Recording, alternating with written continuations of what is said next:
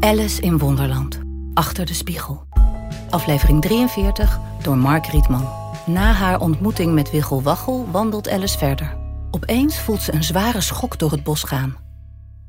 Het volgende ogenblik kwamen er soldaten aangehold door het bos. Eerst met z'n tweeën of drieën, maar toen met tien of twintig tegelijk. En tenslotte in zulke drommen dat ze het hele woud leken te vullen. Alice dook achter een boom, bang om onder de voet gelopen te worden... en keek hoe ze passeerden. Ze dacht dat ze nog nooit van haar leven soldaten had gezien... die zo wankel ter been waren. Ze struikelde steeds over het een of ander... en telkens als er eentje onderuit ging... vielen er verschillende anderen over hem heen... zodat de grond weldra bedekt was met hoopjes mannen. En toen kwamen de paarden... Dankzij hun vier voeten brachten zij het er aanzienlijk beter af dan de infanteristen. Maar zelfs zij struikelden zo nu en dan. En het leek een vaste regel dat telkens als een paard struikelde, de ruiter er ogenblikkelijk afviel. De verwarring werd elk moment erger en Alice was heel blij toen ze uit het bos op een open plek kwam, waar ze de witte koning trof, die op de grond gezeten druk in zijn aantekenboek schreef. Ik heb ze allemaal gestuurd, riep de koning verrukt toen hij Alice ontwaarde. Ben je nog soldaten tegengekomen, lieve kind, op je tocht door het bos?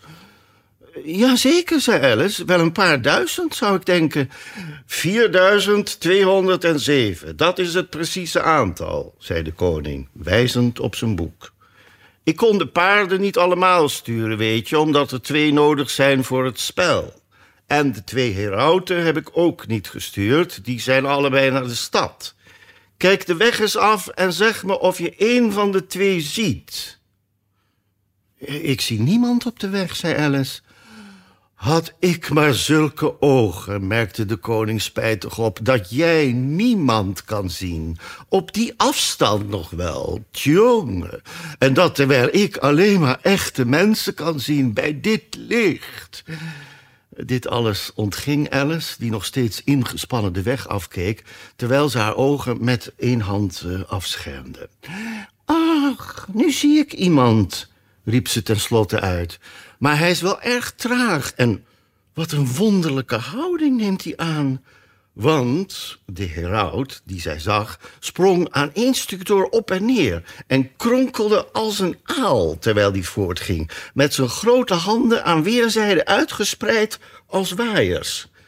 Wel nee, zei de koning, het is een Bataafse heraut. En dat zijn Bataviere manieren. Dat doet hij alleen wanneer hij heldhaftig is.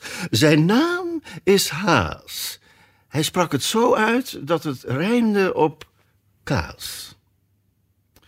Ik hou van mijn schat met een H, zo begon Alice, of ze wilde of niet, want hij is heldhaftig. Ik haat hem met een H, want hij is horkerig. Ik stop hem vol met, met havermoutkoeken en hooi. Zijn naam is Haas en hij woont...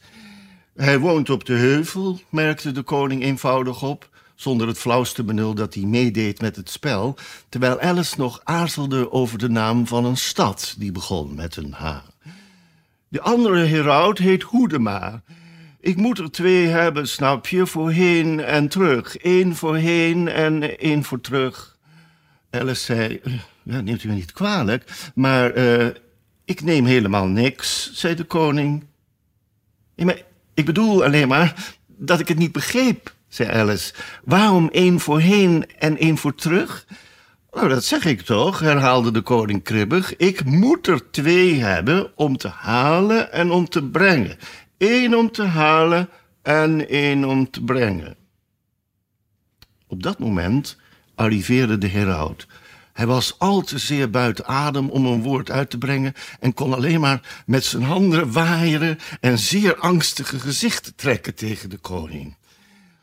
Deze jonge dame houdt van jou met een H, zei de koning, waarbij hij Alice voorstelde aan de heraut in de hoop diens aandacht van zichzelf af te leiden. Maar dat hielp niet. De Bataviere manieren werden elk ogenblik buitengewoner, terwijl de grote ogen wild van de ene naar de andere kant rolden. Je jaagt met een stuip op het lijf, zei de koning. Ik voel me flauw. Geef me een havermoutkoek. Waarop de heraut, tot Alice's grote vermaak, een tas opende die aan zijn hals hing en de koning een havermoutkoek overhandigde, die hij gretig naar binnen werkte. Nog één, zei de koning. Er zit alleen nog maar hooi in, zei de heraut in zijn tas glurend. Nou ja, hooi dan maar, mompelde de koning in zwak gefluister. Alice was blij te zien dat hij er weer vlug bovenop kwam. Hooi is weergaloos wanneer je bijna flauw valt, was zijn commentaar tegenover Alice, terwijl hij zat te bunkeren. Koud water over je heen gooien lijkt me beter, opperde Alice, of een beetje vlugzout.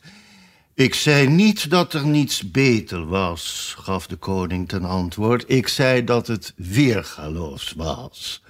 Hetgeen Alice niet waagde te ontkennen. Wie heb je onderweg ingehaald? ging de koning voort, terwijl hij zijn hand naar de heraut uitstak voor nog wat hooi. Niemand, zei de heraut. Volkomen juist, zei de koning. Deze jonge dame heeft hem ook gezien, want natuurlijk loopt niemand langzamer dan jij.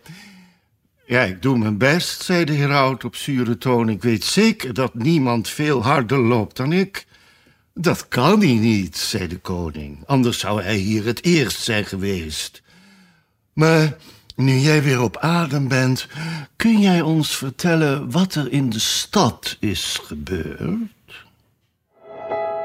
De volgende aflevering wordt gelezen door Ashraf Kautet.